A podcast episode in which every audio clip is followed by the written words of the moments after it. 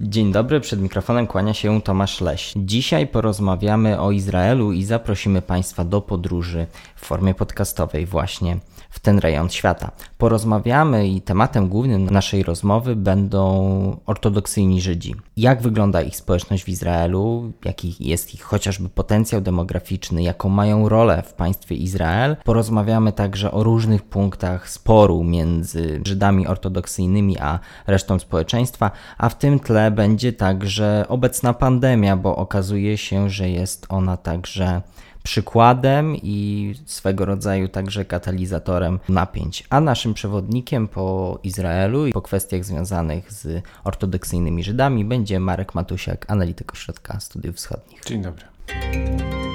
To jest podcast Ośrodka Studiów Wschodnich.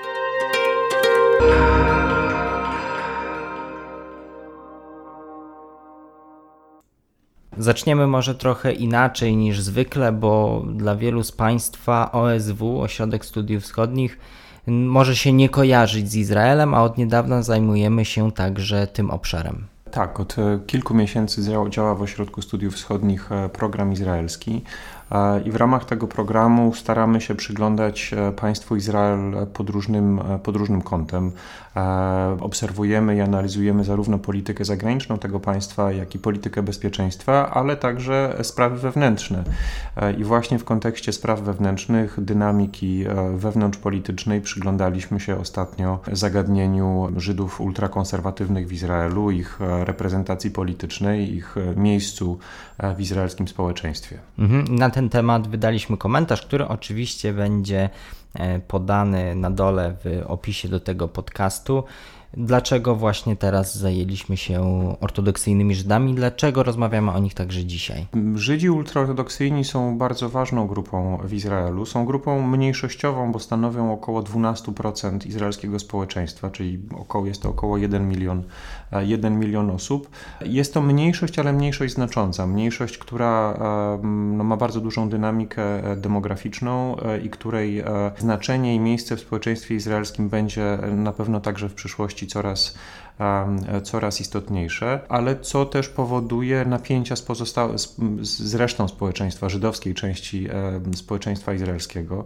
I te napięcia, które już od dekad w Izraelu obserwujemy, jeszcze się zwiększyły w, w kontekście pandemii. Te, te wszystkie problemy, które już wcześniej istniały, te wszystkie uprzedzenia, napięcia między, mówiąc w uproszczeniu, świecką a ultrareligijną częścią izraelskiego społeczeństwa, ostatnio jeszcze bardziej się wzmogły w związku z pandemią, co jest takim zjawiskiem, które też obserwowaliśmy oczywiście w innych krajach. Jeżeli popatrzymy na państwa um, takie jak Stany Zjednoczone czy, czy państwa zachodniej Europy, tam różne podziały społeczne także wzmogły się, w, bardziej, jeszcze, jeszcze bardziej ujawniły w warunkach, w warunkach epidemii podobnie, podobnie było w Izraelu.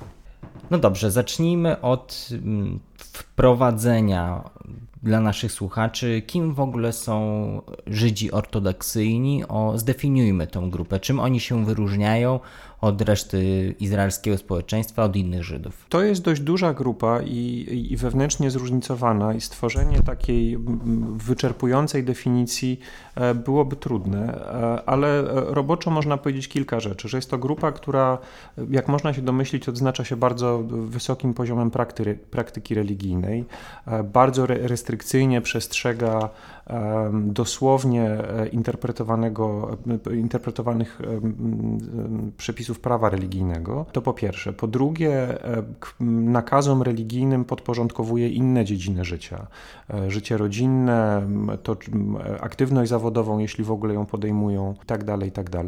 I po trzecie, co, co wyróżnia ich od, od innych grup religijnych i czy innych pobożnych Żydów w Izraelu, to taka skłonność do tworzenia enklaw enklaw, do izolowania się od świata świeckiego, nieuczestniczenia w świeckim życiu. E, Żydzi ultraortodoksyjni mają swój system edukacyjny, edukacji religijnej, mają swoje media. Jeżeli chodzi o aktywność zawodową, to jeśli ją podejmują, to podejmują ją w swoim środowisku e, i starają się co do zasady mieć jak najmniej wspólnego ze światem, e, ze światem świeckim.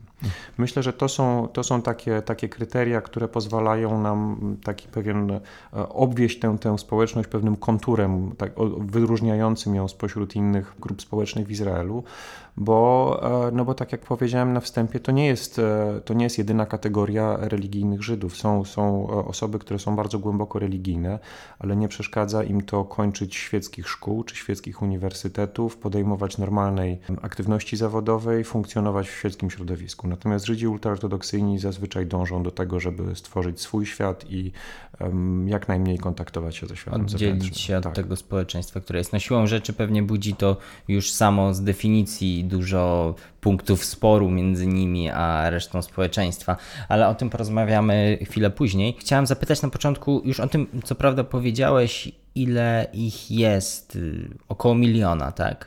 E, tak, jest to grupa bardzo duża i tutaj może to jest dobry moment, żeby powiedzieć, jak bardzo ona jest złożona, bo e, z perspektywy obserwatora zewnętrznego, nawet e, Izraelczyków, którzy są świeccy i którzy nie, nie, no, nie, nie uczestniczą w tym świecie ultraortodoksyjnym, to ta grupa może się wydawać taka homogeniczna, taka jednorodna, bo e, Żydzi ultraortodoksyjni mają brody, mają pejsy, mają czarne kapelusze, długie czarne stroje i, i, mogą się wydawać taką grupą mniej więcej, mniej więcej jednorodną, a jest to bardzo złudne, bo, e, bo jest to grupa wewnętrznie bardzo złożona, nie posiadająca żadnego scentralizowanego kierownictwa i te linie podziału są najrozmaitszego, najrozmaitszego rodzaju. Przede wszystkim mamy ultraortodoksyjnych Żydów aszkenazyjskich i sefardyjskich. Aszkenazyjskich, czyli tych, którzy się wywodzą z Europy, przede wszystkim z Europy Północno-Wschodniej, z Polski, z Ukrainy, Białorusi, Litwy, Słowacji, e, Węgier, Rumunii, Czech itd. Tak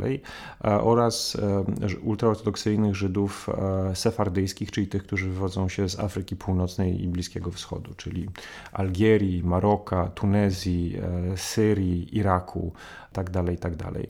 To nie jest, e, to tu nie możemy oczywiście mówić o schizmie, to nie jest tak, że istnieją dwa ultraortodoksyjne judaizmy, natomiast jest to różnica tradycji ukształtowana w czasach życia w diasporze, na tyle, na tyle istotna, że istnieją, jest dwóch naczelnych rabinów Izraela.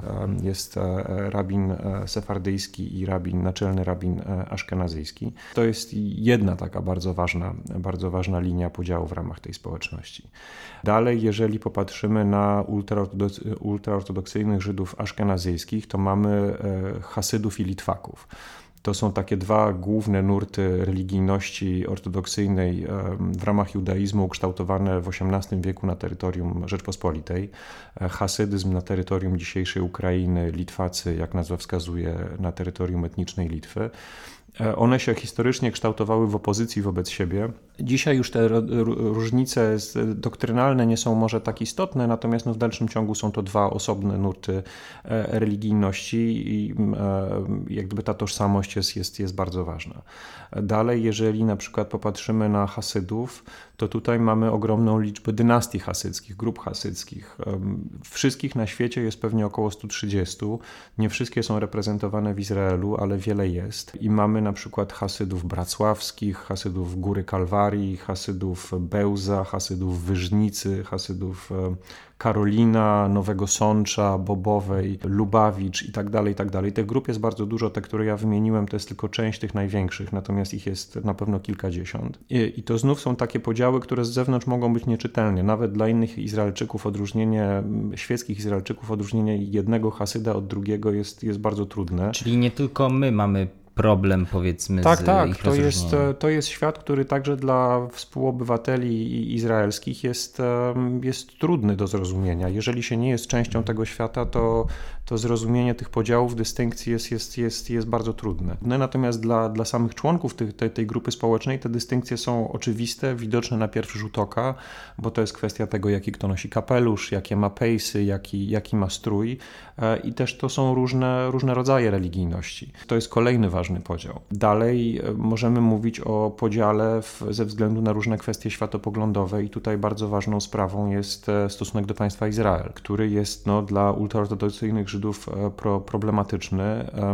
choćby dlatego, że odrodzenie Izraela i powrót Żydów do, do, do Izraela jest z punktu widzenia ultraortodoksyjnego judaizmu wydarzeniem z porządku boskiego. To jest coś, co ma nastąpić wtedy, kiedy nadejdzie Mesjasz i utworzenie świeckiego państwa Izrael w wyniku wysiłku politycznego, w, wysiłku, w wyniku wysiłku militarnego, no jest no jakąś ingerencją w ten, w ten, w ten, w ten boski porządek. I co, oni nie uznają tego państwa, czy jak to wygląda? To jest, e, no właśnie, tutaj tych podziałów jest bardzo dużo. Istnieją grupy skrajne, e, mniejszościowe, które są bardzo radykalnie anty, e, antypaństwowe, do tego stopnia, że możemy czasami zobaczyć Żydów tradycyjnie, tradycyjnie wyglądających Żydów, którzy gdzieś w Iranie uczestniczą w jakichś antyizraelskich spędach, o. albo którzy się owijają we flagi palestyńskiej, uczestniczą w jakichś antyizraelskich marszach.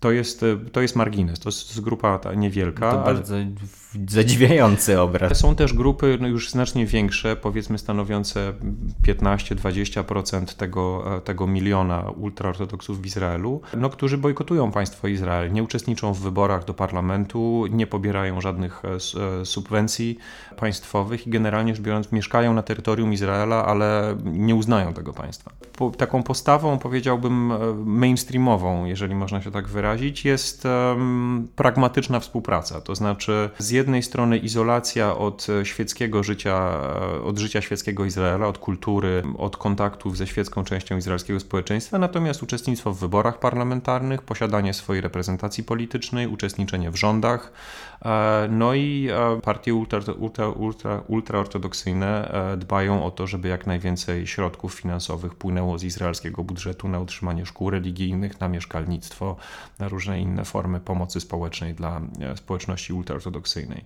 Więc to jest kolejna ważna linia podziału w ramach tej społeczności, a wreszcie schodzimy na poziom, na poziom jednostek, bo jakkolwiek Żydzi ultraortodoksyjni są, no mają bardzo silną tą tożsamość grupową i rola autorytetów religijnych jest, jest kluczowa, to w dalszym ciągu są to nie, niezależnie myślący ludzie, którzy e, mają prawo do swoich poglądów i nie muszą we wszystkim zawsze i bezwarunkowo zgadzać się z rabinami nakładając na to jeszcze inne podziały wewnątrz izraelskiego społeczeństwa, to wyrasta nam niesamowicie skomplikowany obraz. Tak, tak, to jest, e, to jest obraz skomplikowany i trzeba sobie z tego stopnia skomplikowania zdawać sprawę, bo, no bo tak jak mówiłem wcześniej, nie znając dobrze tego środowiska, można łatwo dojść do przekonania, że to jest e, e monolit. monolit. A tak nie jest. Mówiłeś o tej liczbie, która jest teraz, ale i 12% tak, jest y, Żydów ortodoksyjnych w całym społeczeństwie, ale ta liczba będzie się zwiększać. Tak, tak. E, Żydzi ultraortodoksyjni mają bardzo wysoki, e, wysoką dynamikę przyrostu demograficznego. W tej chwili średnio na, na jedną e, kobietę w, w tym środowisku przypada siedmioro dzieci. Niektóre mają więcej. Siedmioro. Niektóre mają więcej, niektóre mają mniej, ale średnio to jest siedmioro dzieci. W sytuacji, kiedy dla reszty żydowskiego społeczeństwa to jest troje. Więc widać, że jest to faktycznie no, bardzo dynamicznie rozwijające się rozwijająca się grupa społeczna, bardzo młoda w tej chwili, bo po, po około 60% e, Żydów ultraortodoksyjnych nie skończyło 19 lat. E, więc e, jest to, jest to mm, znów grupa o olbrzymim potencjale demograficznym i szacuje się, że w przeciągu następnej dekady to już będzie 16% izraelskiego społeczeństwa. W ciągu kilkudziesięciu lat to będzie 1 trzecia mhm. albo ponad 1 trzecia. Mhm. Zastanawia mnie w tym kontekście to, jak, mm, jak oni w pewnym sensie przetrwali. To znaczy, czy na przykład ci młodzi ludzie, o których mówisz, że jest ich tak dużo w tym, wewnątrz tej, spo, tej społeczności, oni dalej zostają przy tych ultraortodoksyjnych poglądach i ultrakonserwatywnych, czy jednak ten świat zachodu, który no, mogą w dużej części zobaczyć już niedaleko od miejsc, które mieszkają normalnie w, w, w Izraelu, który należy do świata zachodu, czy nie przyciąga ich ta cywilizacja, nie, rzuca, nie porzucają oni swojej tradycji? To są um, to bardzo dobre pytanie i to są dwie osobne kwestie. Jedna to jest kwestia historyczna, E, bo no, mając w pamięci e, obrazy e, czy zdjęcia Żydów wschodnioeuropejskich sprzed II wojny światowej, właśnie tak podobnie wyglądających w kapeluszach, z pejsami, z brodami, ubranych na czarno, nam być może istnienie takiej grupy społecznej w Izraelu wydaje się jakoś naturalne, jakoś tak nam się zgadza z takim wizerunkiem, takim stereotypem. Natomiast no, trzeba sobie zdawać sprawę, że II wojna światowa faktycznie niemal doprowadziła do zagłady tego, tej formy żydowskiego życia. Zginęła ogromna część e, przywódców religijnych i przytłaczająca większość e, wyznawców. I tak naprawdę po II wojnie światowej Żydów ultraortodoksyjnych była, była garstka. To był, nie ma dokładnych danych, ale szacuje się, że to mógł być procent wówczas społeczeństwa Izraela w momencie, kiedy państwo zostało utworzone w 1948 roku. Zwłaszcza, że oni pewnie byli łatwiejsi do namierzenia, zidentyfikowania przez aparat hitlerowski. E, tak, no oni mieli ich szanse e, u, uratowania się, ocalenia były, były jeszcze mniejsze niż w przypadku innych kategorii ludności żydowskiej, bo e, zazwyczaj funkcjonowali w dosyć zamkniętym środowisku, zazwyczaj słabiej znali języki inne niż, niż jidysz, e, więc ich szanse e, mieli mniej kontaktów na zewnątrz swojego świata, więc ich szanse ocalenia były, no, były zupełnie, zupełnie minimalne. I tak jak mówię, po, po II wojnie światowej w Izraelu to była niewielka grupa społeczna i mogło się wydawać, że ona no, jest jakimś takim zabytkiem, jakimś takim reliktem, który się rozpłynie w nowoczesności. To znaczy, że, e, że, no, że świecka kultura, postęp technologiczny jakoś w naturalny sposób doprowadzi do tego, że, e, że, no, że ten świat już zaniknie tak ostatecznie, a jeśli przetrwa, to w jakiejś szczątkowej formie. Natomiast stało się inaczej i to, że dzisiaj w Izraelu jest, jest ponad milion Żydów ultraortodoksyjnych, jest takim bardzo nieoczywistym E, nieoczywistym faktem. To w momencie, kiedy państwo zostało utworzone w 1948 roku, wcale, wcale nie było takie, takie oczywiste. Mhm. Natomiast co do drugiego aspektu Twojego pytania, czy, mm, czy, czy, czy młodzi ludzie nie opuszczają tego środowiska, oczywiście zdarzają się takie przypadki. E, to nie jest zjawisko masowe, natomiast e, tego rodzaju przypadki się zdarzają, ale trzeba, mieć, trzeba, trzeba pamiętać, że jest to no, niezwykle, niezwykle trudne, dlatego że w momencie, kiedy się opuszcza to środowisko, środowisko, to człowiek tak naprawdę traci wszystko. Traci rodzinę, traci przyjaciół, traci całe środowisko, w którym się e, urodził i wychował. Na każdym aspekcie życia, no bo też szkolnictwo mają oddział. Tak, tak, tak. I trzeba sobie wtedy radzić e, samemu w sytuacji, kiedy jest się zupełnie do tego nieprzygotowanym, bo, e, bo większość Żydów ultra, ultraortodoksyjnych nie posiada świeckiego wykształcenia. Posiada wykształcenie religijne, które no, poza tym światem jest mało, mało przydatne. To nie znaczy, że w ogóle nie ma przypadków ultraortodoksów, którzy na przykład kończą świeckie studia, bo takich przypadków jest coraz więcej, natomiast w dalszym ciągu jest to mniejszość. Więc ten świat e, świecki, ten świat nowoczesny może się wydawać e, pociągający i oczywiście e, nie zawsze jak gdyby ta, ta izolacja jest tak szczelna. To, to nie jest tak, że, że, że zupełnie nie, nie ma świadomości tego, co się po tej świeckiej stronie dzieje, natomiast decyzja o opuszczeniu tego świata ultraortodoksyjnego jest niebywal, wymaga no, niebywałej odwagi i wiąże się z niebywałymi kosztami. Mhm. Mówiłeś o tym aspekcie historycznym.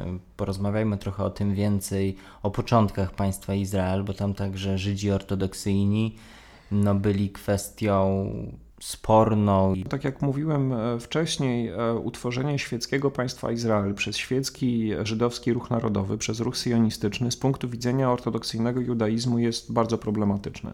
Po pierwsze dlatego, że no jest to, tak jak mówiłem, ingerencja w jakiś boski porządek, a po drugie oczywiście istniały obawy, że to będzie państwo świeckie, że to będzie państwo de facto antyreligijne, które będzie um, prowadzić do, do dalszej sekularyzacji i no, marginalizacji religii. E, w związku z tym znaczna część tego środowiska podchodziła do projektu świeckiego państwa bardzo ostrożnie, podejrzliwie. E, natomiast no, przywódcy ruchu sionistycznego przed utworzeniem państwa bardzo chcieli wobec reszty świata móc powiedzieć, że całość żydowskiego społeczeństwa w Palestynie ówczesnej, mandatowej brytyjskiej Palestynie, popiera, e, popiera projekt nowego państwa.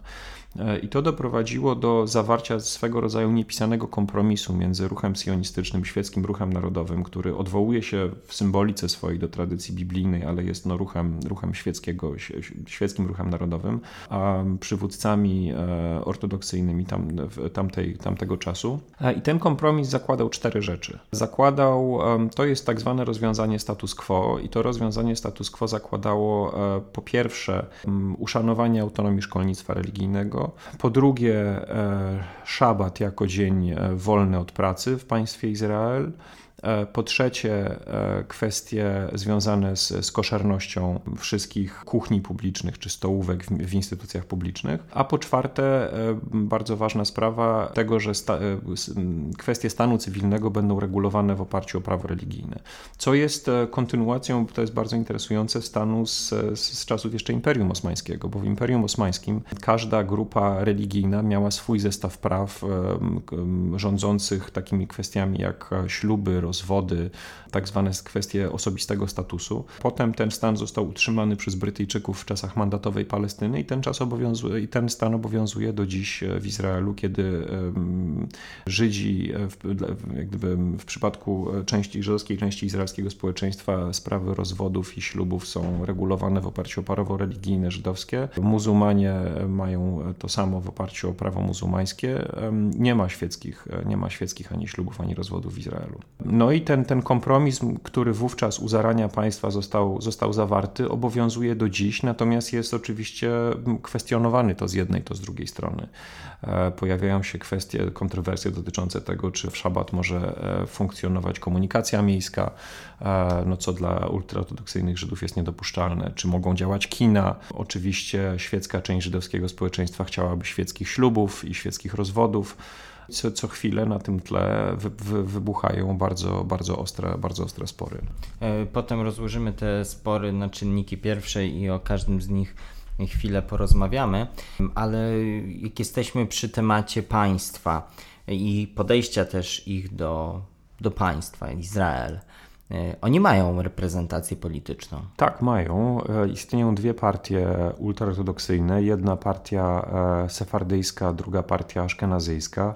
Jedna nazywa się Sefardyjscy Strażnicy Tory, w skrócie SZAS. Druga nazywa się Zjednoczony Judaizm Tory.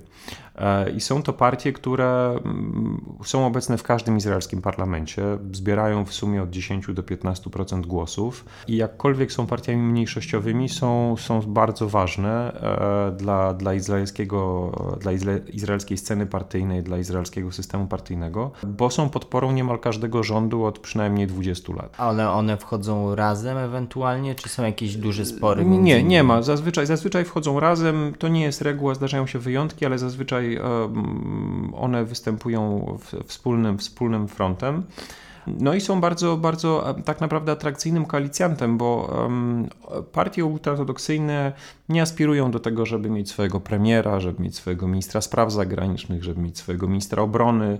Generalnie rzecz biorąc, mało zajmują się sprawami niedotyczącymi własnej społeczności, natomiast koncentrują się na tym, żeby zapewnić, obronić materialne i symboliczne interesy swojej wspólnoty, e, więc są dosyć atrakcyjnym koalicjantem, zwłaszcza w Izraelu, gdzie koalicje rządzące składają się z pięciu, sześciu, siedmiu, ośmiu podmiotów. To taki, taki koalicjant, który no, na początku oczywiście trzeba wynegocjować cenę poparcia i usatysfakcjonować te oczekiwania partii ultraortodoksyjnych, ale wtedy, kiedy to się już uda, oni są bardzo solidnym, bardzo pewnym koalicjantem, który jest na tyle lojalny, że potrafi zagłosować przeciwko, no tak naprawdę nawet swoim interesom, o ile to jest zgodne z umową koalicyjną. To znaczy, nawet jeżeli pojawia się pro, projekt ustawy, który teoretycznie powinien być, który partie ultraortodoksyjne teoretycznie powinny poprzeć, to one potrafią zagłosować przeciw tylko dlatego, że takie były ustalenia koalicyjne. To wynika z ich podejścia do moralności związanego z religią, czy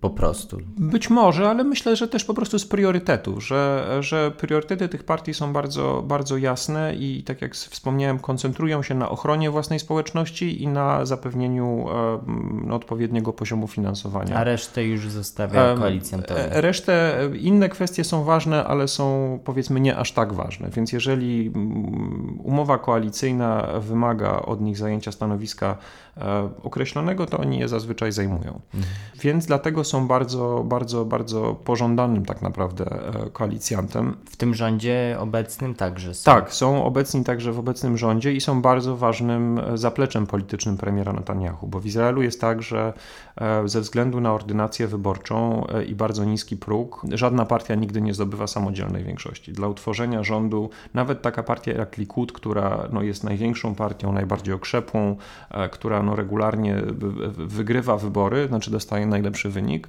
ta partia nigdy nie jest w stanie utworzyć rządu sama, potrzebuje koalicjantów i partie ultraortodoksyjne są bardzo, bardzo pożądanymi koalicjantami i także teraz są częścią zaplecza politycznego premiera Netanyahu. I to sprawia, że e, no, mają bardzo dużo, bardzo dużo wpływy. Mogą mm, domagać się e, określonych koncesji, określonych ustępstw na rzecz swoich e, postulatów w zamian za bezwarunkowe poparcie dla, dla premiera Netanyahu. A jak wiemy, premier Netanyahu ostatnio ma coraz więcej problemów związanych e, choćby z, z procesami które, e, karnymi przeciwko niemu, które się nie, nie, niedawno rozpoczęły i no właśnie takie bezwarunkowe poparcie jest mu, jest mu coraz bardziej potrzebne. Więcej o tych meandrach izraelskiej polityki i tym, co się właśnie teraz dzieje, możecie, możecie Państwo przeczytać w komentarzu autorstwa Karoliny Zielińskiej, także będzie on w opisie tego podcastu. Y, przejdźmy po kolei do tych punktów spornych między y, Żydami ortodoksyjnymi a resztą społeczeństwa. To nam powinno też dużo powiedzieć i dla Państwa dużo ciekawych rzeczy związanych właśnie z, ze specyfiką tej, tej e, społeczności.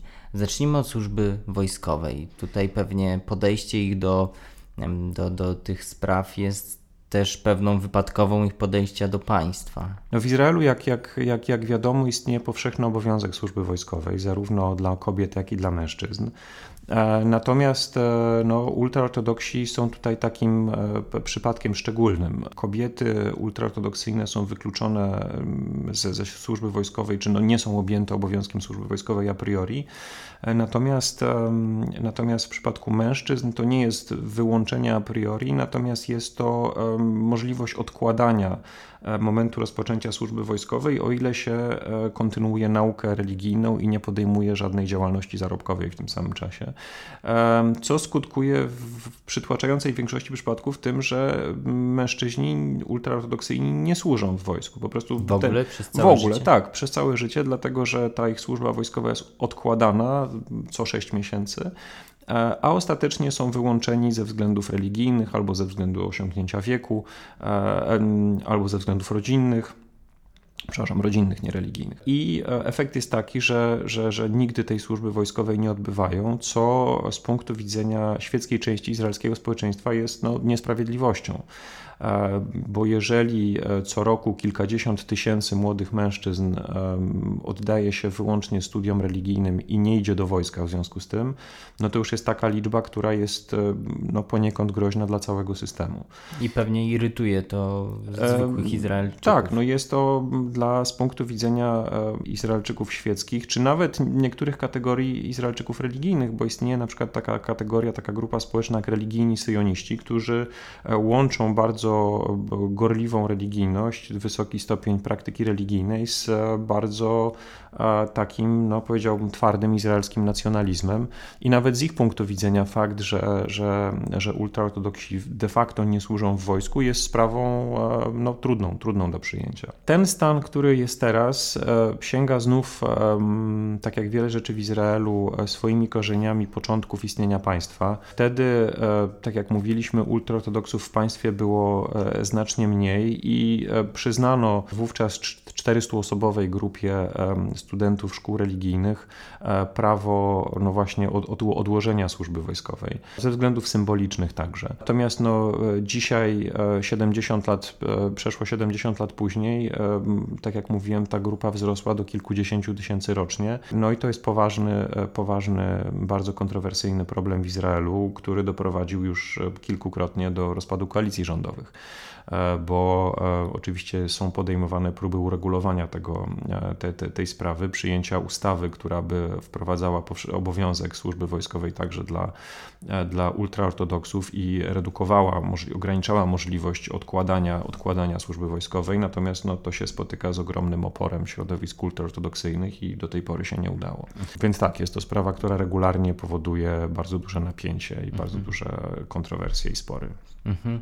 E, a oni, jak rozumiem, żyją w oddzieleniu od reszty społeczeństwa, mają swoje dzielnice, tak? Tak, to są albo um, zazwyczaj po prostu dzielnice większych miast. W Jerozolimie są dzielnice ultraortodoksyjne, które e, no, są niemal wyłącznie zamieszkiwane przez, przez Żydów ultraortodoksyjnych.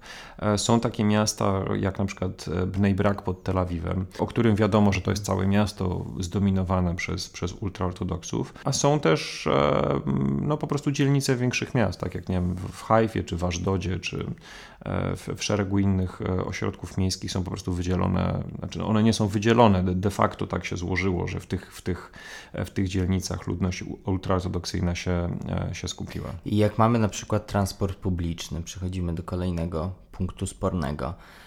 Jest szabat tych rejonach miasta komunikacja publiczna nie jeździ, czy jak to jest? Ogólna zasada jest taka, że raczej transportu publicznego w szabat e, nie ma, właśnie ze względu na opór e, środowisk, e, środowisk religijnych. Są miasta takie jak Tel Awiw na przykład, które, gdzie Żydów ultraortodoksyjnych jest stosunkowo mało i które w ogóle ma taki wizerunek najbardziej świeckiego miasta w Izraelu, gdzie niedawno eksperymentalnie wprowadzono, wprowadzono transport publiczny w szabat. Podobnie jest w Hajfie. Natomiast w takich miastach jak, jak Jerozolima transportu publicznego nie ma. A ogólnie? Czy na przykład są otwarte jakieś w tych dzielnicach miejsca typu sklepy, restauracje i tak dalej, czy są one bezwzględnie zamknięte? Nie, no w dzielnicach ultraortodoksyjnych oczywiście nie. W dzielnicach ultraortodoksyjnych oczywiście szabat jest prze, przestrzegany bardzo ściśle i bezwzględnie. Kontrowersje dotyczą tego, czy w innych częściach tego samego miasta mogą działać e, sklepy, czy mogą działać, czy może istnieć transport publiczny, czy mogą działać kina. Bo oni mają takie ekspansjonistyczne poglądy w tym zakresie? No tak, oni uważają, że właśnie na mocy tego kompromisu e, status quo, który został zawarty czy no ustalony w początkach państwa, e, szabat ma być dniem odpoczynku e, dla całego kraju i ma być przestrzegany. Więc tak, to znaczy ultraortodoksi sprzeciwiają się no, łamaniu szabatu z ich perspektywy, nawet jeżeli to nie dotyczy bezpośrednio tych części miasta, gdzie oni sami mieszkają. I oni postulują także, żeby na przykład nie było komunikacji publicznej, tak, transportu tak, publicznego w ogóle tak, w Izraelu tak. w szabat. To ciekawe rzeczywiście. No i jest ta dzielnica, i tam są szkoły religijne. Całe szkolnictwo tam ma charakter religijny? Tak, to, są, to, są, to jest osobny system szkolnictwa religijnego, który nie podlega Ministerstwu Edukacji i gdzie nie ma, e, gdzie nie ma świeckich, e, świeckich przedmiotów. Tam, tam są wyłącznie przedmioty religijne. Czyli dziecko z rodziny ultraortodoksyjnej nie uczy się przyrody, fizyki, biologii, matematyki, nie. tylko rzeczy religijne. Nie, nie, i to jest oczywiście kolejny poziom, po, po, temat sporów i kontrowersji, no bo świecka część społeczeństwa izraelskiego domaga się, nie, nie domaga się zmuszenia e, ultraortodoksów do wysyłania swoich dzieci do świeckich szkół, natomiast no, domaga się tego, żeby do kurikulum e, świeckich szkół wprowadzić, e, religijnych szkół wprowadzić świeckie przedmioty, takie jak matematyka, angielski. I te szkoły są także że otrzymują subwencje z budżetu Izraela. E, tak, no to jest jedna z ważnych, e, z ważnych punktów e, pro, programów partii ultraortodoksyjnych, jak gdyby ta, takie, taką, jest taki rodzaj ceny za poparcie dla, dla danego rządu, wejście w skład danego rządu, no żeby poziom tych subwencji państwowych dla szkolnictwa religijnego był jak najwyższy, bo to umożliwia funkcjonowanie społeczności, to umożliwia studentom tych szkół skupienie się na studiach religijnych, a nie, nie konieczność podejmowania jakiejś aktywności zawodowej zawodowej, bo są wypłacane stypendia. E, więc to jest zawsze bardzo, bardzo ważna sprawa, a z punktu widzenia krytyków społeczności ortodoksyjnej bardzo kontrowersyjna, no bo to tworzy pewien rodzaj takiej nierównowagi, że ultraortodoksi nie tylko nie służą w wojsku, ale jeszcze państwo łoży na ich, na utrzymanie ich trybu życia e, jakby utwierdza ich, w, w, utwierdza taką powiedzmy ich, ich izolację. Bo oni pod względem gospodarczym są także no, w tyle, powiedzmy, nie prowadzą tak wielu działalności, biznesów jak. Um, tak, statystyki pokazują, że około 50% tylko mężczyzn ultraortodoksyjnych podejmuje działalność zawodową. Czyli reszta nie pracuje. Pię, czyli no, ta, ta, na to wskazują statystyki, że 50% pracuje, 50% nie pracuje. E, zazwyczaj jest to działalność zawodowa e, czy aktywność zawodowa na terenie społeczności. Są to jakieś prace niewymagające wysokich kwalifikacji, czy praca w sklepie, czy, czy w jakiejś małej gastronomii, e, czy jakaś taka praca biurowa. Odsetek czy poziom aktywności zawodowej jest znacznie wyższy wśród, wśród kobiet, bo to jest około 3 czwarte i de facto w wielu wypadkach to kobiety utrzymują, um, utrzymują um, gospodarstwa domowe. E, to też nie są zazwyczaj prace wymagające wysokich kwalifikacji. A korzystają, skoro są to biedniejsze, to jest biedniejsza część izraelskiego społeczeństwa, oni korzystają z systemu pomocy społecznej? E, no, uzyskują system, uzyskują pomoc społeczną przez, ale przez instytucje w ramach swojego, w ramach swojego e, środowiska, w ramach swojej, w ramach swojej, swojej społeczności. Więc to jest tak, że w wyniku powiedzmy lobbingu czy zabiegów partii ultraortodoksyjnych państwo przekazuje pieniądze na instytucje e, tego świata ultraortodoksyjnego, a one potem dystrybuują te środki w, ram, w ramach swojej społeczności w taki czy inny sposób. No, samo to już abstrahując od tych różnic takich y, no, kulturowych i nawet służby wojskowej i tego, tego typu rzeczy. Samo to musi tak mi się wydaje, budzić ogromne emocje wewnątrz społeczeństwa. E, tak, budzi I, i temat e, właśnie stosunku państwa do ludności ultraortodoksyjnej, czy miejsca e, ludności ultraortodoksyjnej w społeczeństwie izraelskim jest e, bardzo gorąco dyskutowany. Pojawia się przed niemal, jest podnoszony przed niemal każdymi wyborami. Są partie polityczne, co ciekawe, i z prawicy, i z lewicy izraelskiej, które domagają się i postulują, żeby państwo prowadziło bardziej zdecydowaną politykę.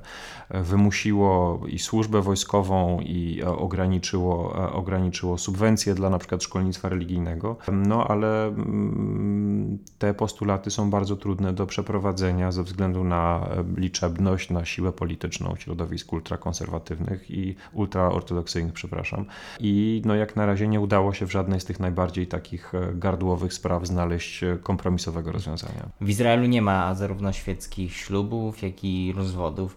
Jak rozumiem, oni chcą utrzymania Żydzi ultraortodoksyjni tego stanu. Tak, znaczy no taki jest stan obecny i pra, prawdopodobnie w przewidywalnej przyszłości, przyszłości tak, tak też pozostanie, że e, śluby i rozwody są możliwe tylko w oparciu o prawo religijne, no co dla znacznej części e, świeckich Izraelczyków jest problematyczne, po pierwsze ze względów światopoglądowych, a po drugie dlatego, że na przykład w przypadku wielu imigrantów z byłego Związku Radzieckiego oni nie spełniają e, warunków, które e, pozwalają no, stanąć przed, jak gdyby zawrzeć, zawrzeć małżeństwo w świetle prawa religijnego, bo E, warunki pozwalające do imigracji do Izraela, e, tak zwane prawo powrotu, są inne niż e, warunki bycia uznanym za, za, za Żyda w świetle prawa religijnego. Mhm. Więc są obywatele Izraela, którzy no, przesiedlili się do Izraela, posiadają izraelski paszport, natomiast no, nie spełniają tych kryteriów religijnych i nie mogą we własnym państwie zawrzeć małżeństwa. Ważnym przykładem tych napięć, zwłaszcza w ostatnim czasie, był koronawirus i pandemia. Jak te ultraortodoksyjne społeczności zareagowały na wprowadzane także w Izraelu obostrzenia? Tak, e, to była, to była kolejna taka sytuacja, kiedy te napięcia, które już istniały od dawna w społeczeństwie izraelskim po raz kolejny wyszły, wyszły, wyszły na jaw, objawiły się. Na początku pandemii w, w marcu E, e, w kwietniu, kiedy no, cały świat e, był przerażony tym, co się dzieje i także w Izraelu rząd podejmował bardzo takie drastyczne, daleko idące kroki mające na celu ograniczenie szerzenia się, szerzenia się koronawirusa, no, społeczeństwa ultraortodoksyjne zareagowały opornie i z opóźnieniem. To znaczy wtedy, kiedy już zamknięto świeckie szkoły, kiedy ograniczono możliwość zgromadzeń, kiedy ograniczono możliwość przemieszczania się, E, wielu, e, wiele grup ultraortodoksyjnych w dalszym ciągu, e, gdy szkoły były otwarte, odbywały się modlitwy zbiorowe no, co dla e, Izraelczyków, którzy już e, tej świeckiej części społeczeństwa, która przebywała w warunkach lockdownu, było szokujące, kiedy mogli w telewizji zobaczyć e, masowe zgromadzenia, a to z, okazji czyjegoś ślubu, a to z okazji pogrzebu, a to otwarte jeszywy. To budziło no, kontrowersje bardzo, bardzo, bardzo dalekie Potem już od któregoś momentu także autorytety tego świata religijnego nakazały swoim no, zwolennikom członkom społeczności ultraortodoksyjnej przestrzeganie zasad dystansowania społecznego, zamknięto e, szkoły religijne, więc od któregoś momentu faktycznie także ultraortodoksi dopasowali się do, do, do, do, do tych wytycznych. Natomiast nastąpiło to z wyraźnym opóźnieniem i tu można dyskutować nad tym, dlaczego tak się stało. Wydaje mi się, że jest szereg takich no, obiektywnych e, uwarunkowań, które sprawiły, że tej części izraelskiego społeczeństwa przyszło to trudniej. Po pierwsze dlatego, że oni są odizolowani izolowani w dużej mierze od, od źródeł informacji e, świeckich, od świeckich mediów, więc wtedy, kiedy cała reszta świata żyła rozprzestrzenianiem się koronawirusa, to te informacje do świata ultraortodoksyjnego dochodziły z wyraźnym opóźnieniem. Bo oni nie korzystają z internetu, z telewizji normalnej? Nie korzystają, nie, nie korzystają z telewizji, nie korzystają z internetu, a jak korzystają, to, to w ograniczony sposób. Nie posiadają, co do zasady, nie powinni posiadać smartfonów. To nie znaczy, że wszyscy nie posiadają, bo ale, ale no, Taka o, zasada. Tak, co do zasady nie powinni. No więc mają ograniczony dostęp do, do, do, do informacji. E, to jest jedna sprawa. Druga sprawa jest taka, że te osiedla ultraortodoksyjne są niezwykle gęsto zaludnione. To jest taka społeczność, która żyje w sposób e, kolektywny, dla której różne kolektywne, na przykład rytuały religijne są no, jak gdyby absolutnie centralną, centralnym elementem ich trybu życia. Czy wspólne modlitwy, czy spotkania z, z liderami religijnymi. I nagle konieczność zaprzestania tego jest, no, godzi w, samo, w samą taką istotę ich, ich e, trybu życia, więc ich bardzo, im bardzo o wiele trudniej było się e, do tych, do tych e, wymagań dostosować. Poza tym też istnieje, tak jak już wspominaliśmy wcześniej w kontekście stosunku ultraortodoksów do państwa Izrael, istnieje no, pewien, pewien dystans, podejrzliwość, ostrożność wobec zaleceń organów państwa.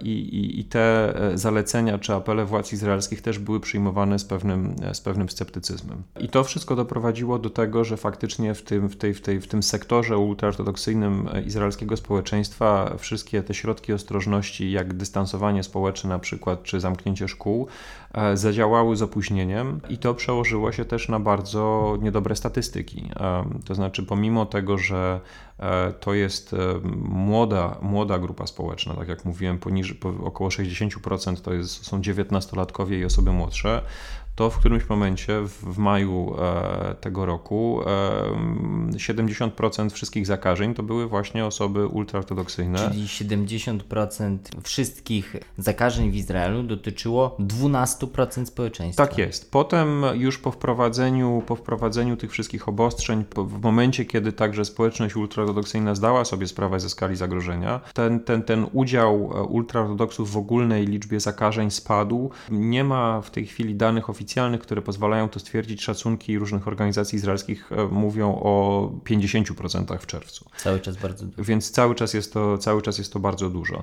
Śmiertelność na COVID w Izraelu nie jest bardzo wysoka, więc to nie jest tak, że, że, że nastąpił jakiś, e, no, że to, żniwo e, koronawirusa było w Izraelu jakoś bardzo dramatyczne, natomiast no, nadreprezentacja Żydów ultraortodoksyjnych wśród wszystkich przypadków była bardzo, bardzo wyraźna. I to doprowadziło do tego, że e, napięcia wzrosły. E, tak, napięcia wzrosły, no bo tak jak mówimy przez cały czas, poziom uprzedzeń już wcześniej był bardzo mocny.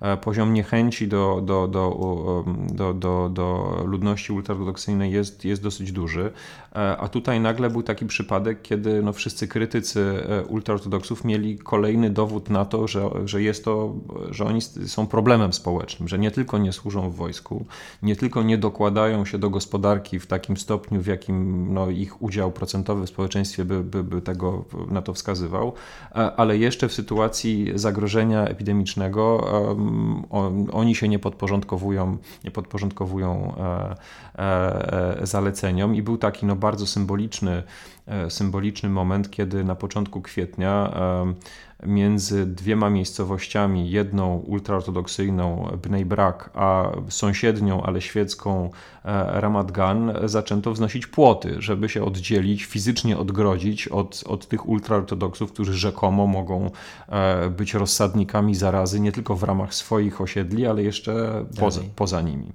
E, no więc faktycznie było kilka takich momentów, kiedy te napięcia były bardzo bardzo, e, bardzo zauważalne i w dalszym ciągu one się periodycznie pojawiają. Zwłaszcza, że e, no, partie ultraortodoksyjne, które, tak jak mówiłem, wchodzą w skład rządu i mają w nim bardzo mocną pozycję, radykalnie sprzeciwiają się jakimkolwiek działaniom, które mogłyby w ich przekonaniu stygmatyzować ultraortodoksów jako tych, którzy są bardziej narażeni na koronawirus, czy no, którzy jakoś bardziej powinni ograniczać swój, swój tryb życia i partie ultraortodoksyjne regularnie e, grożą opuszczeniem koalicji, jeżeli na przykład zamknięto by szkoły religijne znów. Więc ten temat, ten temat jest i będzie, będzie powracał. Zwłaszcza, że teraz nawet to w Polsce obserwujemy walka z koronawirusem i lockdowny są bardziej punktowe, więc siłą rzeczy tak jak u nas są te strefy czerwone, żółte, no to narzuca się, żeby taką strefę utworzyć także w tych miejscach, gdzie są e, Tak, no to, to, to byłoby takie działanie, które może się wydawać z punktu widzenia pragmatyki walki z epidemią e, no, naj, najrozsądniejsze, natomiast e,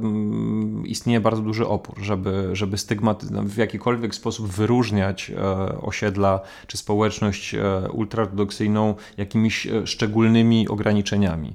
No i istnieje taka percepcja, bo istnieje percepcja, że, e, no, że jest jakiś rodzaj dyskryminacji, że państwo i to, to świeckie społeczeństwo jest tak uprzedzone wobec, wobec ultraortodoksyjnej części społeczeństwa, że no, chce je e, objąć jakimiś szczególnymi zakazami, nakazami, ograniczeniami, stygmatyzować e, tę część społeczeństwa, a to z punktu widzenia politycznej reprezentacji ultraortodoksów jest nie do przyjęcia. Ciekawym przypadkiem jest też y, pielgrzymka części ultra, ultraortodoksów do na Ukrainę. No tak jak mówiliśmy na, na, na, wstępie, jak opowiadaliśmy sobie o różnych podziałach w, w tym świecie ultraortodoksyjnym, no to widzieliśmy wyraźnie, że dużo grup hasyckich na przykład jest e, powiązanych swoimi korzeniami, swoją historią z miejscowościami w Europie, w Europie Wschodniej, głównie na terytorium dzisiejszej Ukrainy i dzisiejszej Polski. I jakkolwiek e, współcześni Hasydzi w Izraelu no, biograficznie już nie mają związków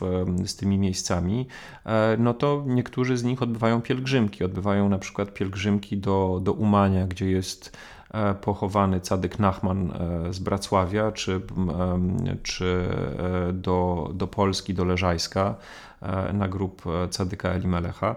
No i teraz we wrześniu, w, w, w, dzień e, żydowskiego Nowego Roku Rosh Hashanah, wypada zazwyczaj e, pielgrzymka e, właśnie do, do Umania na Ukrainie, gdzie kilkadziesiąt tysięcy Hasydów z różnych części świata, ale w dużej części z Izraela przyjeżdża, żeby się na, na, na grobie Cadyka Nachmana modlić. Natomiast w sytuacji pandemii oczywiście jest to sprawa problematyczna, żeby kilkanaście tysięcy osób się przemieszczało z jednego państwa do drugiego w, w dużym potem ścisku w jednym miejscu miejscu się, e, się, się, się, się modliła. E, więc zarówno państwo Izrael, jak i Ukraina najchętniej by chcieli tego, tej sytuacji uniknąć, po prostu odwołać czy uniemożliwić tę pielgrzymkę. E, natomiast no, jest to sprawa bardzo, bardzo konserwatywna, bo znów um, ultraortodoksi, a w tym konkretnym przypadku Hasydzi uważają, że jest to jakaś próba dyskryminacji, ograniczenia ich praw, uniemożliwienia e, im czegoś, co jest ze względów duchowych ważne. E, jest problem tego, kto ma, kto ma podjąć decyzję o tym, że ta pielgrzymka się nie, nie, nie, nie odbędzie. Nie chce tego zrobić oczywiście Izrael, Netanyahu, Benjamin Netanyahu, bo nie chce, żeby jego polityczni sojusznicy mieli do niego pretensje. Nie chce tego zrobić Ukraina, bo się obawia jakichś potencjalnych oskarżeń o antysemityzm. E, w związku z tym no to był taki gorący kartofel które sobie te dwa państwa e, przerzucały z rąk do rąk. Ostatecznie Ukraina wprowadziła e, zakaz wjazdu, czy zamknęła swoje granice, jak się podejrzewa, ze względu na, na, na właśnie prośby, prośby strony izraelskiej. Zresztą prezydent Zeleński nawet to dość otwarcie powiedział, że w wyniku próśb, czy przychylając się do prośby strony izraelskiej, Ukraina zamyka swoje granice, na co Benjamin Netanyahu, jego przedstawiciele mówią, że kategorycznie nie, że to absolutnie nie ma z nic wspólnego, e, że to jest suwerenna decyzja Ukrainy, no bo nikt, tak jak mówię, nie chce być postrzegany jako ten, który Hasydomu uniemożliwił możliwość pielgrzymowania na grób ich, no ich no, ważnej dla nich postaci. Te, te deklaracje Zełańskiego nie wywołały jakiegoś kryzysu w koalicji? E, Czy no, wzięto te słowa Netanyahu za... Nie, no Hasydzi, e, no Hasydzi bracławscy, którzy no, stanowią główną grupę e, pielgrzymów e, do, do, do Umania, bardzo się zdenerwowali i zapowiedzieli, że oni już nie będą popierać premiera Netanyahu w przyszłości. Oni na szczęście dla premiera Netanyahu nie są najważniejszą z tych grup tego, tego zaplecza tych, tych partii, w ramach tych partii ultraortodoksyjnych, e, więc być może nie, nie będzie to dla niego jakiś no, bardzo poważny problem. Natomiast no, wywołało to kontrowersje i długie deliberacje zarówno w, w, w Izraelu, jak i na Ukrainie E, kto ma tę decyzję podjąć, kto ją ostatecznie podjął, na czyją prośbę, dlaczego i kto ponosi za to odpowiedzialność. Mhm. Na koniec y, chciałbym, żebyśmy się odnieśli do ważnego przemówienia izraelskiego prezydenta, w którym została e, nakreślona nowa wizja społeczeństwa tego kraju. Tak jak rozmawiamy, e, no, ultraortodoksyjna część izraelskiego społeczeństwa jest ważną i coraz większą, tak liczebnie, częścią tego społeczeństwa a jednocześnie jest no, pod wieloma względami, jak próbowaliśmy to sobie tutaj e, wytłumaczyć, niekompatybilna z resztą, z resztą, z resztą tego społeczeństwa. E, I jest to, jest to wyzwanie, przed którym Izrael stoi, jak to zrobić, żeby tak, tak istotną grupę własnych obywateli jakoś wkomponować w, w, w porządek społeczny, e, tak żeby i oni mieli poczucie, że ich sposób życia, ich tryb życia, ich wartości nie są zagrożone a, a, jednocześnie, żeby reszta społeczeństwa miała poczucie, że oni faktycznie partycypują w, w ponoszeniu różnych ciężarów e, i odpowiedzialności za, za, za państwo. Kilka lat temu e, prezydent Rivlin e, wygłosił takie w 2015 roku takie, takie przemówienie na, na, na Uniwersytecie w Herzlii, gdzie mówił o czterech nowych plemionach Izraela i gdzie nakreślił taką wizję sugerującą, no, że należy odejść od tego, co było normą w, na przestrzeni e, historii izraelskiej od 1948 roku, od utworzenia państwa, czyli wizji świeckiej, żydowskiej większości i różnych grup mniejszościowych, e, na rzecz takiej bardziej, powiedziałbym, egalitarnej wizji czterech podstawowych grup społecznych, które wspólnie państwo tworzą i wspólnie powinny e, ponosić za to państwo odpowiedzialność przy jednoczesnej jakiejś autonomii, prawie do zachowania własnej tożsamości, prawie do, prawie do własnego, własnych wartości, własnego trybu życia. No i tymi czterema e, plemionami mieliby być z jednej strony e, e, świeccy Izraelczycy, z drugiej strony ultraortodoksi, z trzeciej strony Arabowie, a z czwartej strony religijni syjoniści, czyli, no, czyli ci, ta, ci religijni Żydzi, którzy jednocześnie są bardzo takimi gorącymi patriotami Izraela. Jest to pewna wizja polityczna, pewien drogowskaz. On na pewno nie zostanie zrealizowany w żadnej przewidywalnej przyszłości, natomiast, e, czy no bliskiej przyszłości w każdym razie. Natomiast no jest takim symboliczną, symboliczną, symboliczną wizją, próbą w ogóle zbudowania no, takiej wizji, jak to społeczeństwo mogłoby wyglądać. To znaczy, w jaki sposób można by zażegnać, czy złagodzić przynajmniej te napięcia, które w tym społeczeństwie istnieją. Zwłaszcza, że demografia jest nieubłagana i no, będzie się to społeczeństwo zmieniać. Tak, społeczeństwo izraelskie z pewnością będzie się zmieniać i dominacja i liczbowa, i um, taka symboliczna um, świeckiej części izraelskiego społeczeństwa na pewno będzie z czasem słabnąć. Więc będzie dużo elementów do przyszłych analiz, do przyszłych komentarzy, do przyszłych podcastów także. Tak Dziękuję. Jest. Dziękuję bardzo. Ja zapraszam do czytania analiz, komentarzy, które tworzy zespół izraelski. W opisie są linki do komentarza Marka Matusiaka na temat y, właśnie ten, o którym także rozmawialiśmy, koronawirusa w Izraelu w kontekście właśnie społeczności Żydów ortodoksyjnych, a także komentarz y, Karoliny Zielińskiej, który opowiada o bieżącej sytuacji politycznej o nowym rządzie w Izraelu, który nie tak dawno temu powstał. Ja zachęcam Państwa do obserwowania nas w platformach streamingowych, platformach, których Państwo słuchacie tego podcastu, tak aby być na bieżąco z kolejnymi odcinkami. Zapraszam także do odwiedzenia nas na YouTubie, tam inne materiały w innej formie, dużo na temat y, sytuacji na Białorusi. Tymczasem do usłyszenia następnym razem. Wysłuchali Państwo podcastu Ośrodka Studiów Wschodnich. Więcej nagrań można znaleźć na stronie www.osw.waw.pl.